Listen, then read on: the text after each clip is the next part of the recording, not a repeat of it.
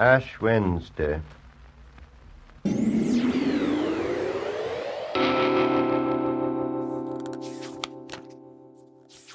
Velkommen, kjære lytter, til denne episoden av Bladpodden. Dette er en spesialepisode om T.S. Eliot sitt dikt Ash Wednesday.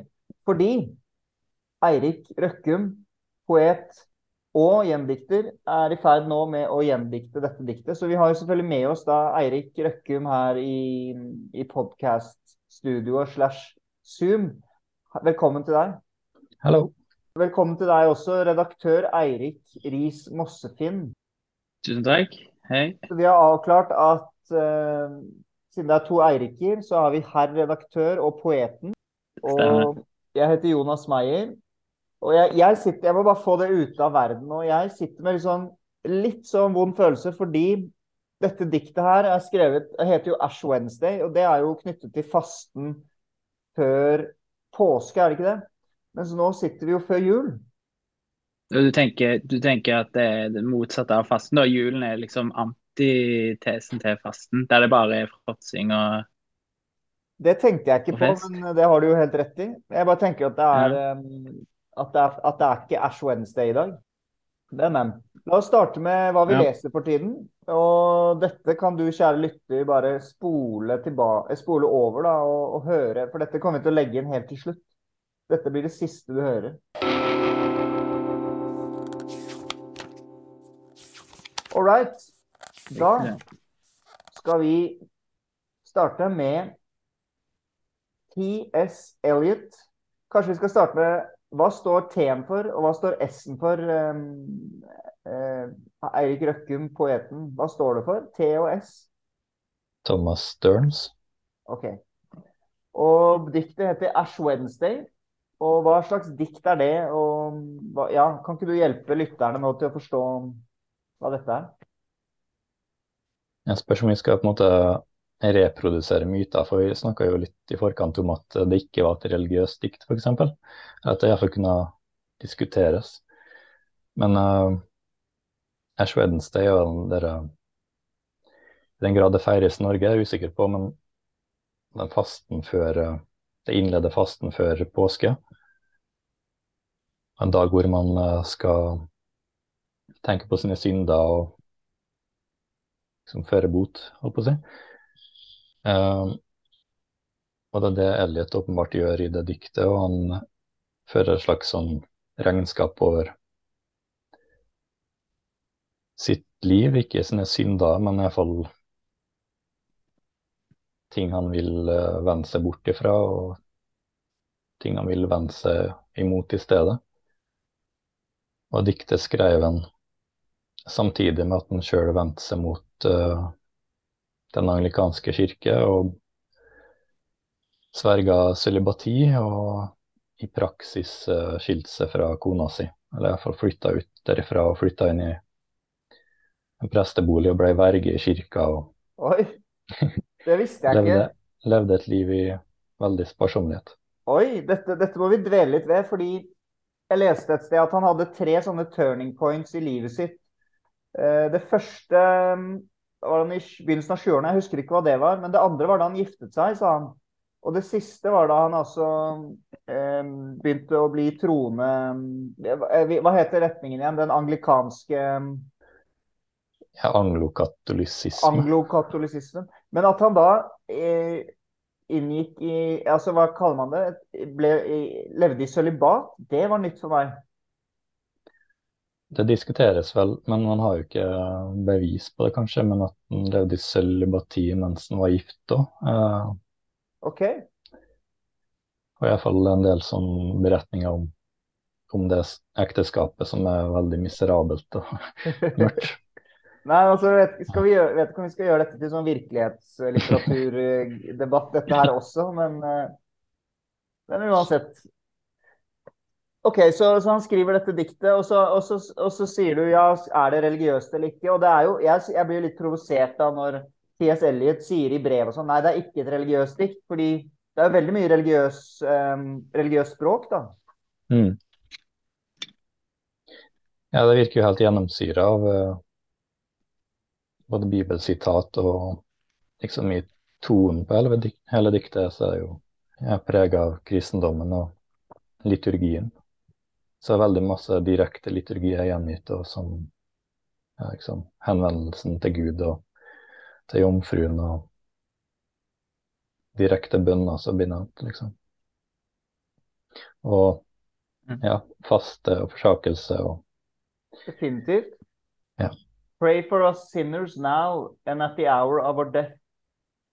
Pray for us now and at the hour of our death. Dette er jo fra en av bønnene i den katolske kirke, som også Jon Fosse vel brukte i septologien.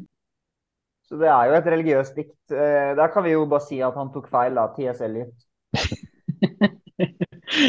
Men jeg skjønner jo hvorfor han sier det. For det er jo en måte altså Når vi sier da et religiøst dikt, så sier man, da, da lukker man det jo om at det skal handle om det. Da. Det er jo like mye referanser til, til tidligere litteratur, være seg altså, kristen litteratur eller, eller ikke, eh, som det er referanser til, til kristendommen, da. Så da kunne man jo like gjerne sagt at det var et sånn ja, hva skal man si, et litterært dikt, altså like mye som et religiøst eh, dikt.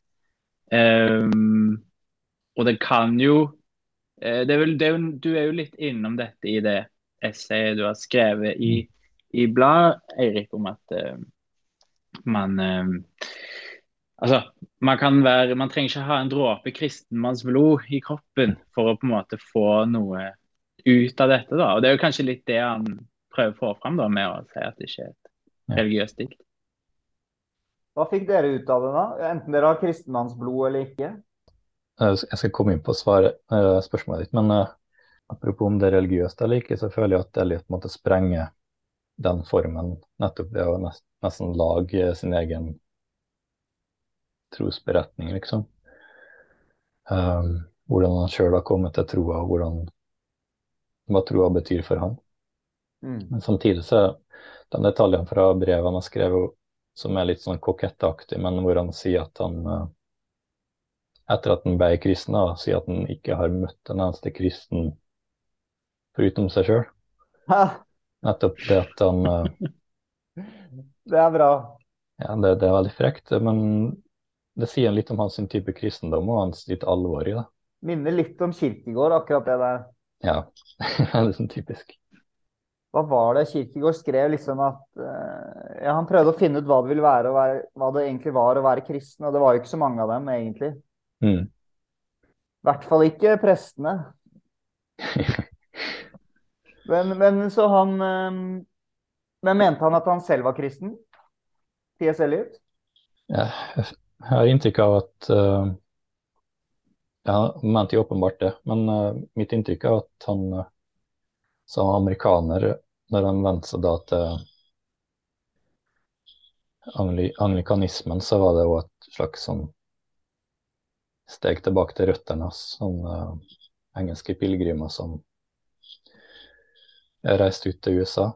Mm. For eh, i hans eh, neste storverk, For Quartet, så handler jo en del av den om nettopp tilbakevendingen til røttene. Og da gjentar han egentlig en del av tematikken fra Ash Wednesday om ydmykhet og ja, La og oss, forsakelse. la oss høre T.S. Elliot bare lese litt eh, nå. Ash Wednesday. Because I do not hope to turn again, because I do not hope, because I do not hope to turn, desiring this man's gift and that man's scope. Eh, som du er inne på, dette er jo en, en prosess, og det er et vendepunkt. Og så nå eh, bare trekker jeg inn en helt annen assosiasjon som jeg leste at T.S. Eliot var opptatt av at man skal kunne lese dikt helt uten å ha kunnskap egentlig da, om, om diktet. Du, det skal være en verdi der, selv om du ikke kjenner alle referansene og allusjonene og sånn. Selv om det er jo, han er jo ekstremt opptatt av det. Men la oss, la oss høre litt, som jeg, spørsmålet jeg stilte i sted. Hva, hvis, hvis dere, du har jobbet mye med diktet, Eirik Røkkum, poet. Mens herr redaktør eh, har også lest, men sikkert ikke like mye som poeten. Men hvordan var det å møte diktet første gang for dere? Husker dere noe leseinntrykk fra det? Eller hvordan det har vært nå i det siste å lese det? Bare noen inntrykk liksom fra Hva er det som fester seg? Redaktøren kan få svar først. Ja, jeg kan svare. Jeg leste det for kanskje et par år siden for første gang i en sånn samle, liten samle, eh, samling da, av og da, da, tror jeg, da festa jeg meg ikke helt ved det. Da, da, da lå jeg litt på overflaten, liksom. Mm. Og, så, og så leste jeg det igjen da i forbindelse med eh, Eirik eh, sitt eh, essay. Eh, og da eh, på en måte kom jeg mer inn i denne, si, denne stemningen av eh, En blanding av eh, hva skal man si, fortvilelse og et sånn et, et håpløst håp, da. Kanskje man kan si det sånn. Ehm, som det liksom maner fram. Eh, og på et mer sånn språklig nivå så er det òg ganske mange ting her som er uh, ganske nytt. da, Ganske mye bruk av rim, blant annet, som jeg, jeg ble litt overraska over da jeg leste det igjen. Uh, men for å si det på en annen måte, så har man dette bildet av Tyes Elliot som en, en veldig lærd og en, en, en, alvorstung poet. da. Men så er jo òg diktet Når du først en måte går inn i det, så er det veldig ja, Det er musikalsk, og det er, det er ganske tiltalende. da. Man, man, man griper det egentlig ganske med en gang, tross alle disse. Tross at det virker veldig fjernt og, og gjerne um, har masse referanser man ikke nødvendigvis tar med en gang. da. Ja.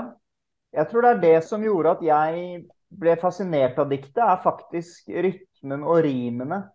Eh, Jeg syns det er, er litt sånn ugjennomtrengelig, men det er akkurat nok. Akkurat nok til at jeg griper meg fast og er villig til å lese det på nytt. Og så leser jeg det på nytt, og så kommer jeg ikke sånn veldig mye dypere inn. Så er det sånn nei, Leste jeg dette her i sted? Dette husker jeg ikke engang. Men så er det noe som griper meg, og så er det akkurat nok til at jeg kan lese det på nytt. Det er ganske slitesterkt dikt, virker det på meg. Og noe av det er for meg at jeg bare liker rimene, og han, han bygger opp noe Ja, noe rituelt, eh, messende. Eh, og han skriver jo om det i en av linjene eh, Through a bright cloud of tears, the years, restoring with a new verse the ancient rhyme. Redeem the time, redeem the unread vision, osv. osv. Men å restore with a new verse the ancient rhyme, det grep meg veldig. Det syns jeg var flott. Altså, det er jo en utrolig tradisjon av poesien, med, og, og rimet har vært viktig, rytmen har vært viktig. Mm. Jeg er helt enig. Det, jeg synes det er veldig godt poeng det med at det, klarer, å, det, holder, deg, det holder liksom interessen din oppe akkurat nok til at du, til at du orker å, å kjempe med det. da. Det er jo et interessant dikt sammenligna med The Wasteland, og hvor The Wasteland så kommer de med noteapparatet ved siden av, liksom. Her har du alle referansene, og det er ikke alle, da. Men og ser så er de skjult, og det føles som det leses eh, ledigere, da. At man ikke er like opptatt av hva ting skal vise til, selv om liksom hver linje kanskje har tre ja, referanser til enten Bibelen eller uh, Shelley eller Keats, liksom, så er det liksom hjem, begravd i diktene fornya. Så han på en måte gjør, uh, gjør det han i essayene med å liksom, fornye tradisjoner, bruke uh, gammel litteratur for det det er verdt. Men min egen opplevelse av Ash Wednesday var litt som din, Erik, at uh, første gangen jeg leste for lenge siden, så det festa seg rett og slett ikke når jeg leste hele forfatterskapet. og Det bare forsvant, liksom. Det var litt pregløst, og til tross for alle de gode rimene og iøynefallende linjer, liksom. Men når jeg leste noe i forlengelse av The Wasteland, syns jeg var kjempeinteressant. Og igjen med tanke på det religiøse, så syns jeg nettopp Bash Wednesday virker som en forlengelse av The Wasteland, som er et slags nihilistisk uh, dikt, på en måte. Verden er sprengt i filler. Og, og her begynner jeg nettopp med at det er håpløst og Ja. Men nettopp i håpløsheten så klarer den å bygge opp en slags vilje. da. Jeg, Mm. jeg, jeg liker det så godt. Det er liksom uh, Tankekraften til Elliot er alltid spennende. å, å lese den både for bildene sin del og fordi at den er en uhyre skarp tenker. Mm. Jeg er helt enig. Man kan på en måte se det på liksom Altså det, det er nesten løsningen på problemet The Wasteland. Altså det er en, en Der finnes det på en måte ingen, egentlig ingen vei ut, da. Det er et øde, øde landskap. Men, um, men så går det litt tid, og så, så Jo, men se her, det fins. Til og med for meg, T.S. selv, fins det et, en vei videre. Mm. Og den løsningen, ligger den da i en slags forsoning og som jeg leser det. Altså, jeg bruker stikkordet resignasjon. Ehm, men som noe Det kan være noe positivt. Jeg lurer på om Jan Erik Vold har snakket litt om det. Resignasjon som noe positivt. Men det er noe her med at han liksom, som du sa, var inne på i sted, forsakelse. Han vender seg, noe han vender seg vekk fra. F.eks. for eksempel hvis vi tar helt i starten, da. This I no longer strive to strive towards such things. Mm. Og det, da er det forrige linja 'desiring this man's gift and that man's scope'. Så det er noe med begjær og lysten og, og kanskje det å se til andre, sammenligne seg med andre. I no longer strive to strive towards such things. Det er noe han har lagt fra seg, som gir, en slags, gir noen nye muligheter. Ja, det er uh, I, I rejoice that things are as they are. Altså, på det så klarer han å bygge noe nytt. Altså, jeg liker veldig godt den linja som òg er i starten og slutten. Uh, teach us to care and not to care. Teach us to sit still. Som jeg skulle tro var skrevet i dag, på en måte med alle sånne klisjeer om å være flink og stressa og påkobla, liksom. Men uh, ja, som Lumot så må han liksom tilbake til forsakelsen og det enkle livet. Fordi ja. vi, må jo, vi må jo snakke om elefanten i rommet her. Pål Brekke. Som jo har jo gjendiktet uh, ganske mye T.S. Eliot. Og akkurat den linjen, uh, 'Teach us to care and not to care', skal jeg se om jeg finner den her. Og han oversetter det slik, så, eller gjendikter om han vil. Så lær oss å bry oss om, og ikke bry oss om. Å ja, så det var ikke noe mer enn det. Lær oss å bry oss om, og ikke bry oss om. Har du, hvordan har du tenkt å løse den? Har du, noe, har du landet noe der? Jeg tror jeg har prøvd, med, prøvd, på et rim der, så da høres det kanskje litt rart ut. Men uh, jeg får iallfall ikke lære oss å bry oss om, jeg har uh, lære oss å bry oss og ikke besvære. Ah.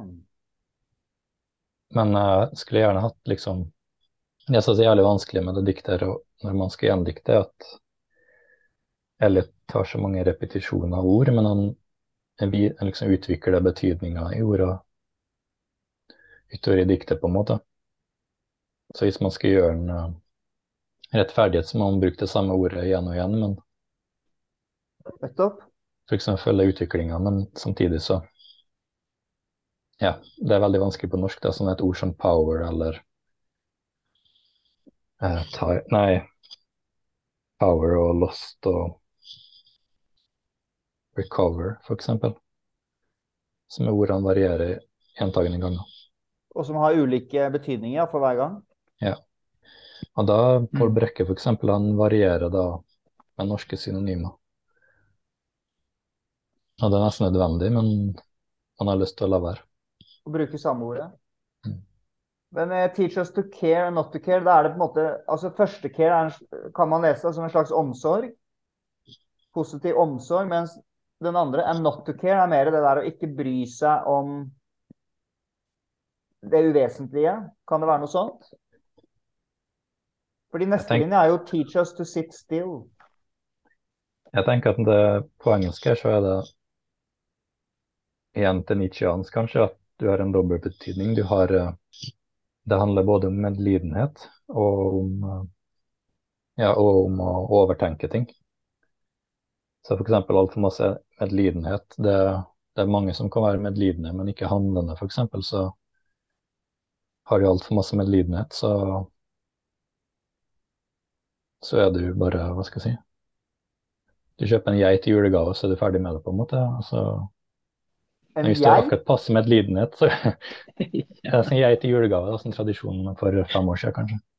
I, i Man kjøper geit til man, kjøper, man kjøper en geit til en, en fattig, fattig landsby i Afrika, liksom, og så gir du et kort til, til din far, og så sier du Se så snill du har vært. Jeg har gitt min, min gave til deg, Oh. til disse som har mye mindre enn oss. da.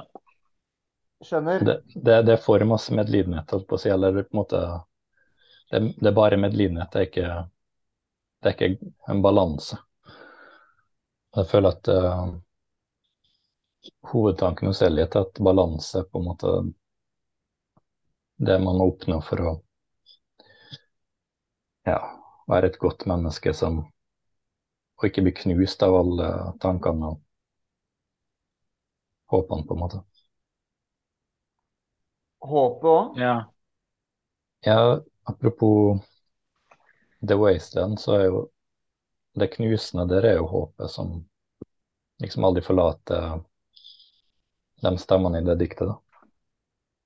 Sånn eh, Det er grunnen til at April is the cruelest month, fordi at Mm. ja, det er liksom tiende håpet igjen. Sånn at uh, ting begynner å gro og blomstene kommer tilbake, og da tenker man på Da våkner uh, listene og håpet, ja, og Ja. Mens uh, Winter Cup the Swarm. Ah, ja. Ja, du, og det er jo det samme i, i Four Quartets òg, der er det der med, med at eh, eh, håp er på en måte håp om feil, feil ting, Mm. da. Hope would be hope for the wrong thing. Ja. Det er noe suspekt i håpet, da. Eh, og at det kanskje er noe nesten eh, eh, ja, forsonende i, i, eh, i å gi opp, eller å, å oppnå en eller annen sånn desolusjon, eller ja. Mm. Kan jeg få lese litt fra et brev han skrev? Ja. Jeg har jo masse Altså, det er jo Jeg har jo en svær, tung utgave her av Elliot samlede med Kommentardelen er lengre enn diktdelen, da. Men da skrev han eh, For å bygge videre på det du sa nå, herr redaktør.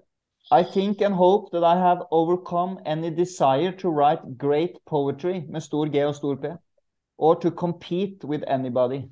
ja. Hva får du til det, Jonas?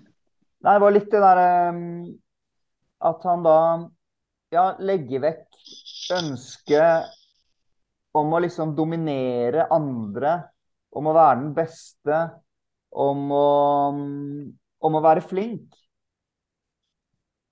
Og det minner, der, der begynte jeg faktisk å tenke på den debatten vi har hatt i Norge i dag, hvor forfattere Hvor man får en sånn ensretting i, i kulturen, hvor det er noen forfattere som er, eh, får veldig mye oppmerksomhet.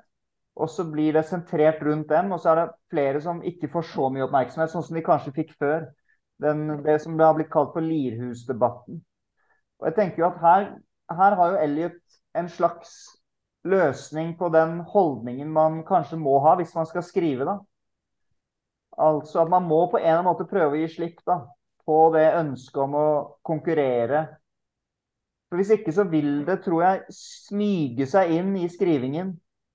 Man klarer kanskje aldri å gi helt slipp på det.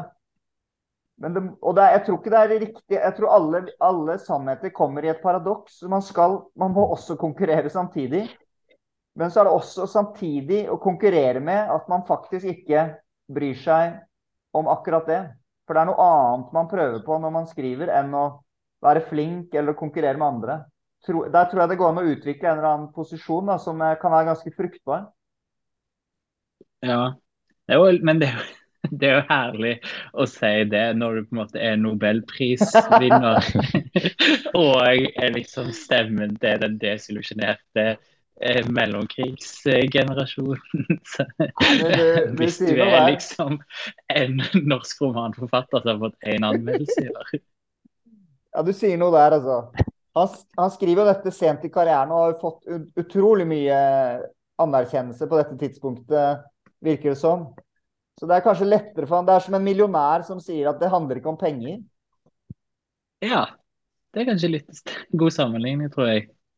Det, Ja, det er litt cocky. Men det er absolutt en holdning man, man kan strebe etter. å Og på den annen side, ja, og han har jo rett til å si det. Han vet jo Han har jo fått masse anerkjennelse, og så kan han si nei, Det var ikke verdt det.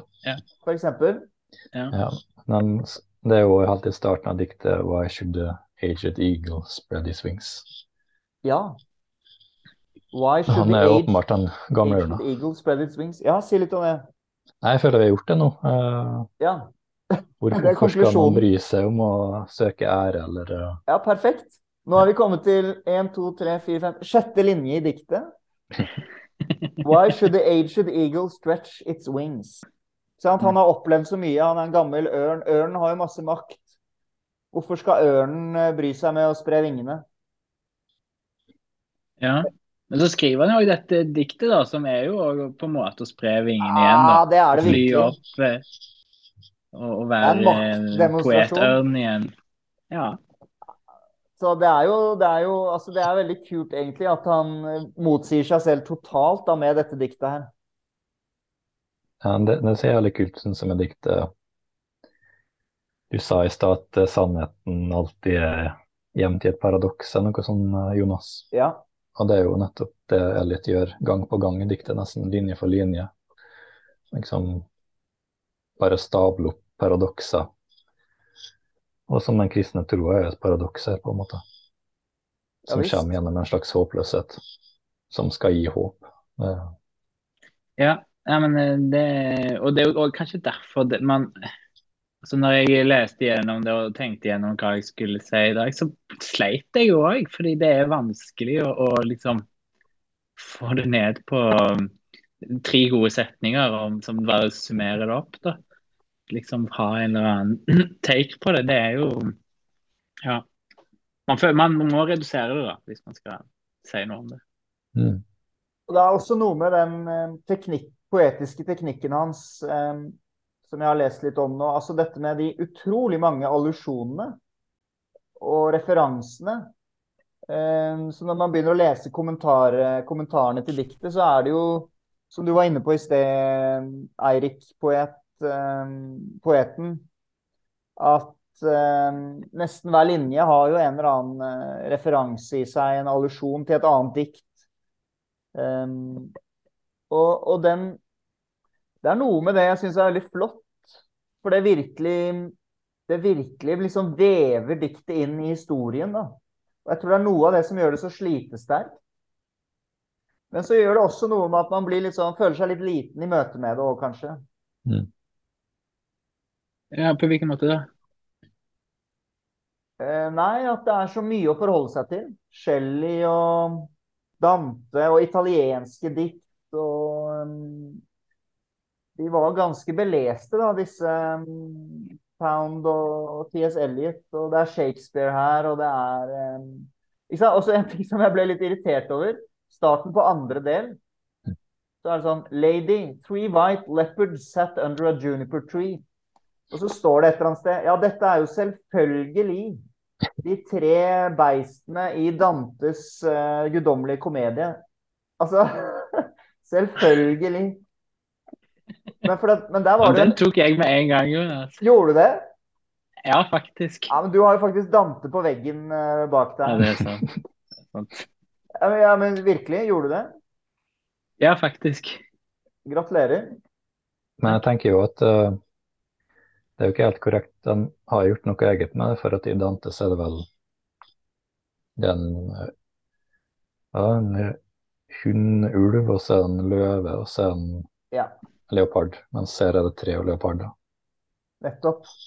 Um, Ja. altså, men det der med Juniper Tree er visst fra både Bibelen og Brødrene Grim eller noe sånt. Så det blir veldig Mm. tett når man først begynner å leite, men. Det beriker liksom ei andre, andre runde, syns jeg. Men det er like så godt med Elliot at han klarer å, å bruke ting han leser, og på en måte bare smelte inn i nye ting. Ja. Jeg, jeg, må, Mm. jeg googlet det der litt, og så fant jeg ut at leoparden kan symbolisere I Dante da, kan symbolisere lyst. Mm. Det passer jo bra. Og så spiser de tre leopardene, skriver De spiser Og det hang jeg meg litt opp i. De spiser beina, hjertet, leveren. Og det som er inni the hollow round of my skull. Jeg likte at de spiste leveren, da. Det er jo sånn yeah. trend nå, å spise rå lever. Og en sånn influenser som heter Liver King. Ja, det er- Han har jo tatt masse steroider og ser helt fantastisk ut eh, med masse muskler og sånn. Og så selger han sånne leverkosttilskudd. Men det er noe med lever og kraft, da. Ja. Så, Ja. så, så leopardene spiser opp hans kraft, da. Ja, er det er det at de spiser opp eh, hans eh, på en måte synder, da? Og at Ja. eh, hjertet på en måte begjærer, og, og, og så er det vel hjernen, da, eh, og så videre. Og at han må renses og bli til, til, til bein, altså til knokler, da. For å, Mm. Man må helt, man må strippes for alt før man skal kunne liksom Ja. vende seg mot Gud. Ja, det er slik jeg leste det òg. At det er en bokstavelig nedstripping, og så er det bare liksom uh, ekle biter seg igjen. Eller ikke si ekle, kanskje, men uh, gå veldig minimalt, da, som det kan liksom Som fugl føniks, på en måte. Apropos aske. ja. Men uh, Ja, sant. Ja. Hvorfor, Mm. eh, hvorfor har du valgt akkurat dette diktet, og ikke um, The Hollow Men eller uh, Cats eller um... Cats er vel enda vanskeligere, kanskje. Ja. Jeg vet ikke. Um, det føltes som holdt på å si det neste i rekka, på en måte. En veldig naturlig fortsettelse. Ehm, og et dikt som ja, er vanskelig nok til å være veldig morsomt å jobbe med. Ehm, og stort Mm. nok til at det kan bli en uh, bitte liten bok. Skal du For å ta banale grunner. skal du skrive et noteapparat? Jeg tror det blir minimalt. Men jeg tror jeg har lyst til å ha tospråklig, sånn at det Ja, det er Kanskje kult. nettopp siden diktet er så fylt på rim, så er jeg ja, litt etterrettelig å ha en slags Ikke mal, men i hvert fall at man kan se hvordan det er i originalen. Da. Kan man slippe seg litt mer løs, av, kanskje. Ja, jeg tenkte på det, mm, det Tospråklig er jo alltid veldig kult, syns jeg. Men, eh, men Pål Brekke, som vi var inne på i sted, han, han har jo gjendiktet dette. Og så en liten sånn sammenligning, da. Da Donald Trump ble president, så gikk han inn for å liksom reversere alt Obama hadde fått til. Og liksom skulle ødelegge arven etter Obama. Er det det du holder på med nå, Eirik? Å ødelegge arven etter Pål Brekke i norsk poesi? Og har du hørt noe fra datteren, forfatteren Toril Brekke? Det er litt sånn, kan det virke kanskje litt, når det eneste andre nesten som har gjenlikt gjendikta Elliot tidligere i Norge, er nettopp Pål Brekke. Og han liksom har hatt et så stort grep om det forfatterskapet òg. Til tross for hvor stort for hvor stor Elliot var, så er det liksom bare Pål Brekke som har gitt seg ut på det, utrolig nok. Men du spurte meg tidligere om jeg, om jeg hater Pål Brekke litt sånn Du spurte litt uh, morsomt. Men uh, til det spørsmålet så er en del gjendiktere faktisk som jeg misliker ekstremt sterkt. Nettopp fordi at de har ødelagt holdt jeg på å si, veldig gode dikt og poeter. Men når det kommer til Pål Brekke, så har ikke det det inntrykket. Jeg føler at han har en veldig god teft når han uh, jobber med litt. Og når det kom til The Wasteland, så, så ville jeg gjøre det på nytt fordi at jeg følte at den var ganske utdatert sjøl i språket. på en måte Han skrev fra en annen tid. og det var veldig merkbart på tonen, syns jeg, mens Elliot liksom alltid er evig ung.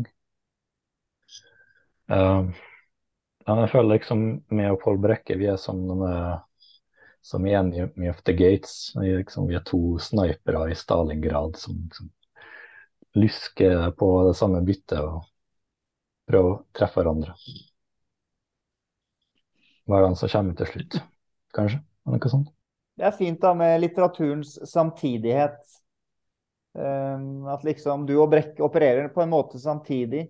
Det er ikke det en litt sånn Elliotsk tanke at, um, all litteraturen um, liksom Når det kommer et nytt verk inn i litteraturhistorien, så skaper det en forskyvning da, på alle andre verk som noen gang har blitt skrevet.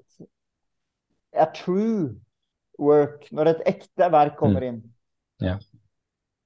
Jeg tror han sier noe sånn, ja. Uh, uten at jeg har det direkte sitatet på det. Jeg husker når jeg hadde den denne forfattersamtalen som ble gjengitt i bladet med Erlend Nødtvedt, så nevnte han noe om at uh, når man siterer fra et verk, da, så er det på en måte Ja, det er ikke, det er ikke Nødtvedt som stjeler fra Shakespeare, men det er Shakespeare som stjeler fra Nødtvedt, på en måte. At det går bak, bakover. en veldig fin tanke. At uh, alt er sammenbundet. og ja, til og med de døde forfatterne stjeler av nålevende, på en måte. Hvis ikke det var et paradoks Ja. som sprenger hodet. Ja, men, ja, det, det var elliottsk, eh, det der òg. Ja, det er, det Nei, men jeg er med på den. De stjeler, de stjeler jo på en måte De får en fornya betydning, da. De får en fornya Mm. kraft av at noen Ja, forholder seg til dem. Så de òg er parasitter på samtidsforfatternes eh, Mm. bedrifter. Og hvis de er det, så holder de seg ved like, på en måte. Da er de fortsatt klassikere og Ja. har fortsatt noe å si. Mm. Så, så Brekke parasitterer på deg òg, da. Nå, Ja. det vi kan si. Ja, det er en evig samtale. Pray for us sinners now and at the hour of our death. Pray for us now and at the hour of our death. Lady, three white leopards sat under a juniper tree in the cool of the day, having fed to satiety. On my legs, my heart, my liver, and that which had been contained in the hollow round of my skull. And God said, Shall these bones live? Shall these bones live?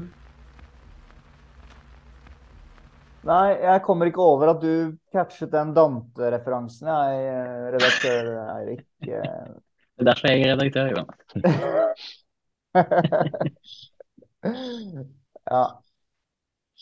Men det, det skjønte jeg etter hvert, at denne, bø, denne kvinnen, lady, det kan også være fra Dante. Først så trodde jeg det var Maria, men, men så er det en lady som kjenner eh, jomfru Maria. Eller som eh, She honors the virgin in meditation. Så det er jo ikke jomfru Maria selv. Det, er, da, det er, viser seg da at det er denne eh, kvinnen i guddommelig komedie. Hva heter hun igjen? Det husker jeg ikke. Beatrice. Beatrice. Kan det stemme? Ja, det, jeg leser jo sånn, men, men Du eh, leste Du leste det i en kommentar først, før du skjønte det? Nei, med en gang så trodde jeg òg det var Jeg hadde samme tankeprosess som deg. da. Jeg trodde jeg var i Jeg kan, men skjønte du det på egen hånd, eller måtte du via en kommentarbok? Nei, da, Da kan jeg aldri bli redaktør, hvis det er det som skal til.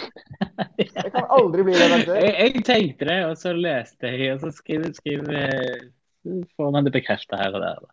Man hadde en hypotese, da. Man tester hypotesen. Men jeg, jeg bryr meg egentlig ikke så mye om konkurranse. Jeg har, Nei, det er sant. jeg sluttet med det. Gamle ørn. Og der, er, der kommer uttrykket 'gamle ørn'. Som en sånn resignert En person som er resignert, sluttet å bruke vingene til å fly. Ja. Nei, men, um... Men kan vel òg lese som konen hennes, kan ikke det òg, Erik? Du gjør vel et uh, Altså Elliots kone, denne lady. Det kan hen, være henvendt til henne òg. Jeg syns det er litt sånn flytende hvem hun er på en måte i diktet. At uh, den åpenbare referansen er på en måte Beatrice, men en har fått de tingene som peker på det, bl.a.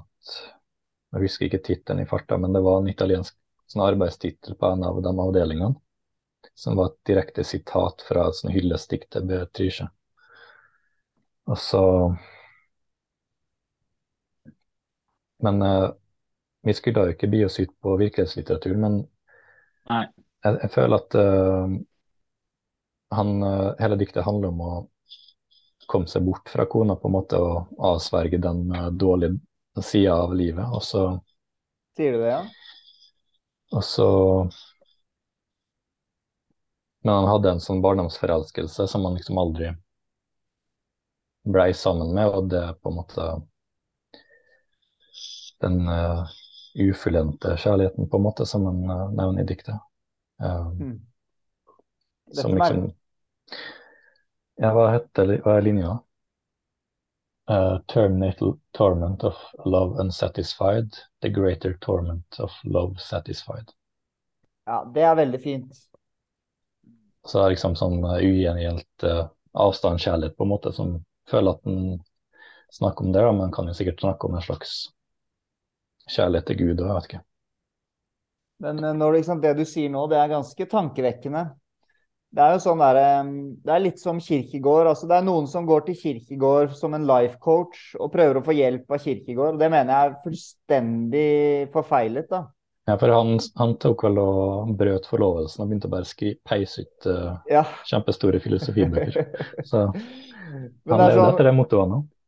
Ja, de ligner jo faktisk litt. Jeg var ikke klar over det i livs, livsstil. Men det er sånn, du skal aldri spørre om råd fra en person som, ikke, som ikke har de resultatene du selv ønsker i livet.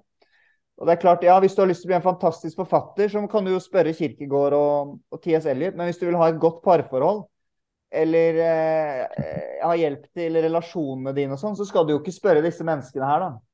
Men eh, jeg likte den linjen så godt. eh, The torm terminate torment of love unsatisfied, unsatisfied, the greater torment of love satisfied. Jeg leste det som en sånn Ja, det er, det er lidelsesfullt å ikke få ønsket sitt oppfylt. Men det er også liksom, Pass deg for hva du ønsker deg.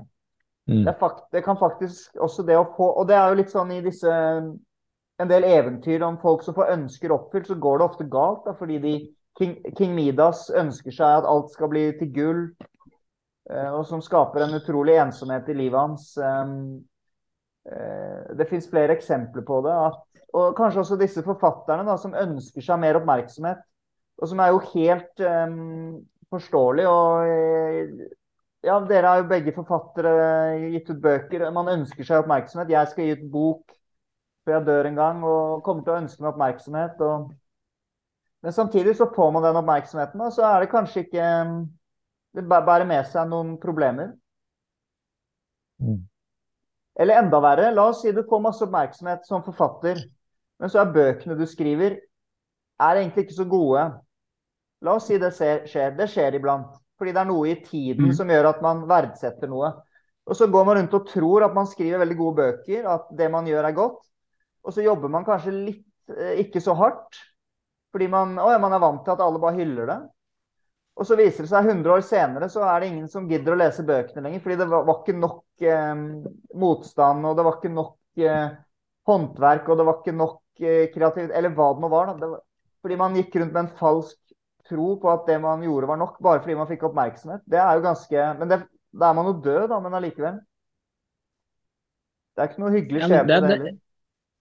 Nei, nei, det tror jeg er helt rett. Og du, ja, man må eh, Jeg tror man må være litt, man må være litt på kant. Man, skal ikke, man, må ikke prøve å treffe tiden hvis man, eh, hvis man skal være forfatter.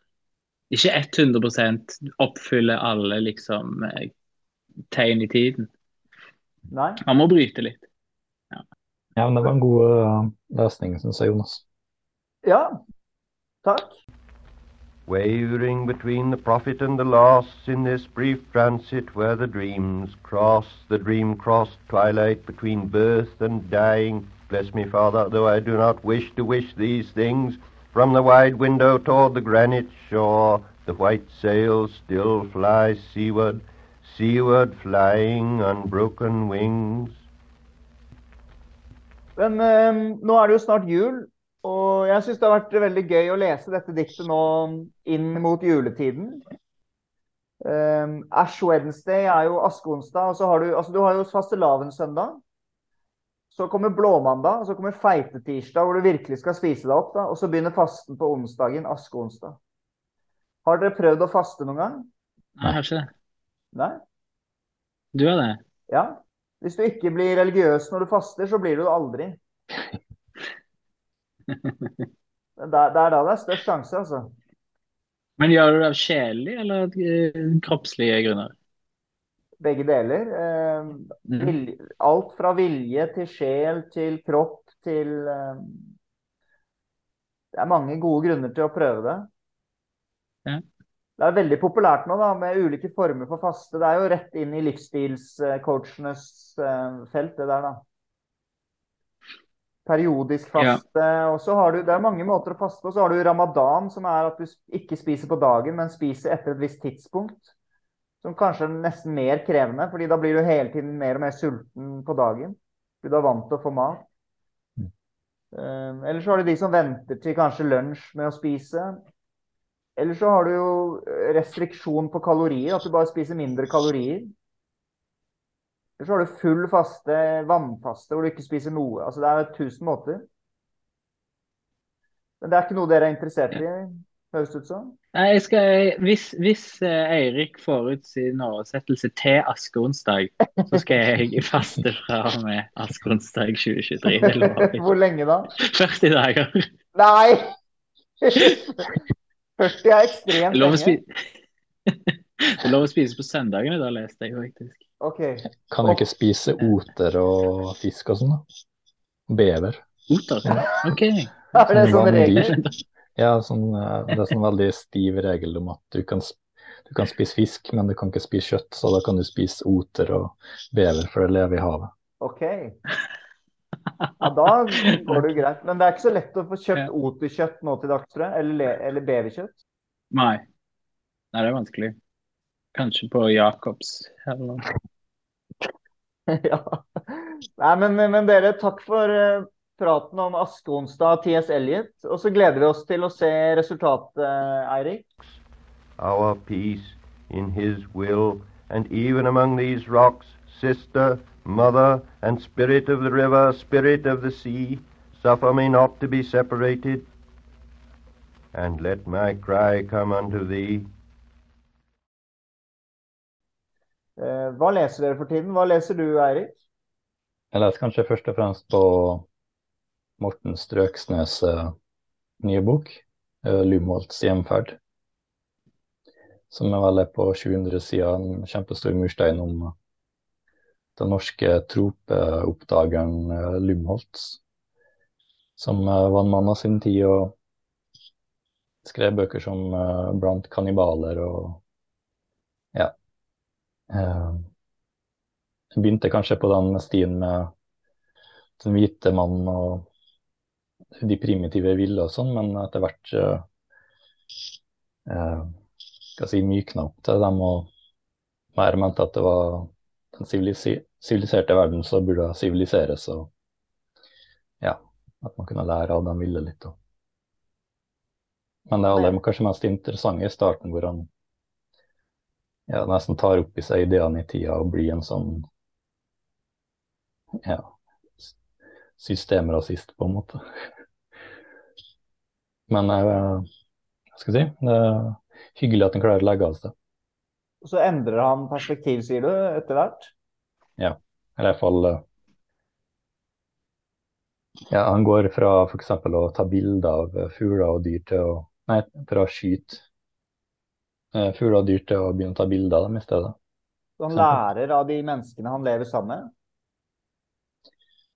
Ja, lærer læ av å leve veldig enkelt istedenfor å bo på hotell og med dyre vaner. Og, Det er interessant. Da jeg leste en bok som heter 'Begynnelsen til alt' tidligere i år, som er, eh, handler om eh, sånne tidlige ti, menneskehetens tidlige historie, så viste de til en del europeere på 1600-tallet og 1700-tallet sånn, som, og også senere som hadde levd sammen med andre folkeslag. Da.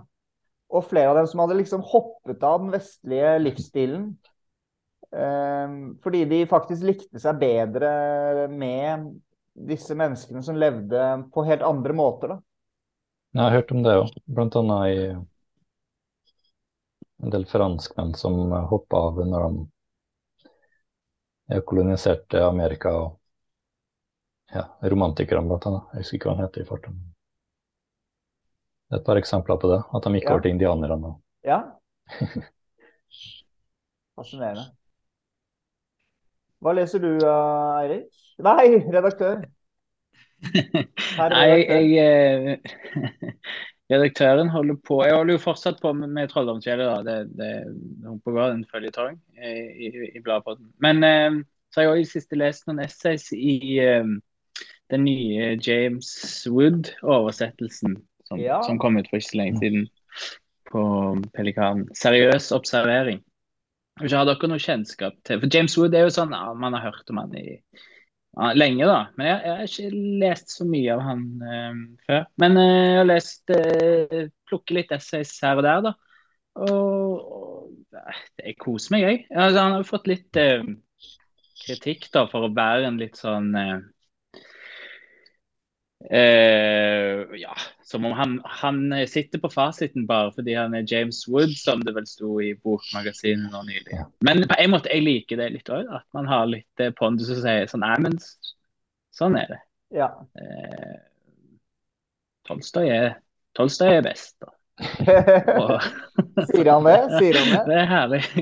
Eller, han, han, eh, det som jeg syns er veldig eh, bra at Når jeg leser essaysene hans, og han, tar for seg f.eks. en bok eller et forfatterskap, så oppfatter jeg det som at han klarer å finne det viktigste å si om eh, denne forfatteren eller denne boken. Jeg kjøper eh, at det, det han setter under lupen, da, det er det, det er det riktige. Når han sier noe om Tolstoy, at det som gjør Tolstoy så mye bedre enn alle andre, er at eller så, så, så annerledes enn alle andre liksom, storrealistiske romanforfattere. At han, eh, han eh, lar Altså, når, når noe fortelles, så er det alltid gjennom en karakters blikk på verden, og det er aldri forfatterens eget, eh, eget blikk. da.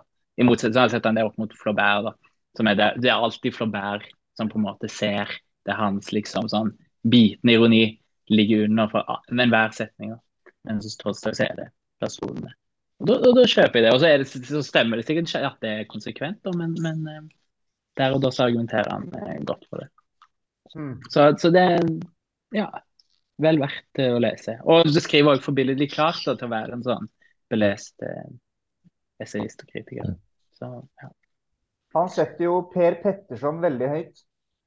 ja, han gjør det, faktisk. Og han er vel ja, plutselig Han er jo sånn som oppdaga norsk litteratur. da Jeg leste intervjuet intervju med han der han sa at ja, det som gjør, gjorde norske samtidsforfattere så mye bedre enn de amerikanske, var at, at eh, norske samtidsforfattere de klarte de, de tør å stå i alvoret. Det er ikke bare ironi og tanter og fjas. da. De tør å stå i alvoret. Kult. Men, og en annen ting som er litt ålreit med James Wood, er at han skriver jo romaner selv, og de er ikke sånn kjempebra. Visstnok. Jeg, jeg har ikke lest de, da. Ja, men det er bra. Og det, for det er jo også litt sånn at når man leser den, så får man litt sånn ah, Det klør litt i fingrene etter å begynne å skrive sjøl. Fordi at han kommer med noen, på en måte, noen tips da, til hvordan man skal skrive Ja. en roman. Det er gøy at det, det må på en måte mer til enn å kunne se gjennom litteraturen for å kunne skrive gode romaner. La oss ta en liten uh, avstemning uh, nå før jeg skal fortelle hva jeg har lest. Um, er dere mest, hvis dere måtte velge Dostojevskij eller Tolstoy? Jeg er nok en Dostojevskij-person, jeg tror. altså. Ja. Jeg har jo lest mer Dostojevskij enn jeg har lest Tolstoy. Og jeg er jo Jeg har vel også kost meg mer. Selv om jeg syns Anna Karenina er en strålende roman, altså. Men um, jeg går nok for Dostojevskij, jeg òg. Ja, fordi um, det skrev Hamsun òg, nemlig at eh, Tolstoy det var ikke ha, eh, Dostojevskij var hans mann, mens Tolstoy var altså Ikke at det var dårlig, eller noe sånt, men det var liksom ikke Det var ikke der han hentet eh, så Jeg syns det er litt rart at James Wood eh, Det er litt urovekkende ikke urovekkende, men eh, Ja, men det er alltid et sånn evig slag mellom dem to. ja. Mellom Nabokov og Ja. skrive om akkurat dem to, og da lander han på Tolstoy. Han lander på Tolstoy, ja. For min egen Ja. del er miljøskader av Hamsun i hvert fall, og mysterier, hvor han har den lange ranten om Tolstojs uh, borgerlighet. Og, Å ja, skriver, eh, skriver han om det i Mysteriet? ja, jeg tror han er der eh, Nagel som har en sånn lang rant. Jeg vet ikke om han er full eller noe sånt, men det kommer ganske masse frem der. Men altså, jeg, jeg leste litt i Mysterier nå nylig. Og hvor jeg også leste den, det foredraget han Hamsun eh, reiste rundt og holdt mens han debuterte den eh, eh, fra det sjel... Altså, ubevisste, ubevisste ubevisste sjeleliv. Takk. Og da følte jeg at uh, mysterier ble en sånn der programlitteratur for en sånn, et sånt nervemenneske. Hvor det var liksom Ja, vi skal i hvert fall ikke lage um, rasjonelle personer som kan puttes i en bås her. Her skal det være helt uforutsigbart. Så ble liksom det en litt sånn eh, pappfigur, da. Når jeg leser det på den måten. Ja. ja, men det er jo sant. Altså, de, den, det at på en måte å skape irrasjonelle mennesker er jo òg noe som, som stivner i, i formen, da. Som òg blir en, liksom, en oppskrift. da. Ja. Wow, se på det gærne, se, se Ja, alt det gærne jeg kan få fram. Ja. Ja, ja. Men nei, nå har vi bare snakket om mannlige forfattere, så jeg har lest Seshan Shakar, øh, bare for å fortsette trenden. Eh, og jeg sier det fordi jeg har lest den ferdig. fordi jeg, når jeg har hørt på våre episoder, eller tenker tilbake, så, så, så er det ofte jeg nevner bøker jeg aldri får lest ferdig. Altså Eh, det er en uting. Så, men, men, og jeg er litt glad for å få lest Sesham Shakar òg, fordi det er en bok jeg liksom, Jeg skal ikke anmelde, jeg skal ikke skrive om den, jeg skal ikke noen ting. Det er bare fordi jeg hadde lyst til å vite hva, hva greia var. Så det er litt tilfredsstillende å kunne bare ta en bok og lese den. Nå holder jeg på med eh, 'Skinnende døde'. Ja, Og den er god. ja, eh, jeg holder den høyere da enn De kaller meg ulven av Seshan Shakar foreløpig. Vi får se. Men det er litt gøy å lese det ferskeste av det ferske også på norske, norske fronten. Mm. Mm.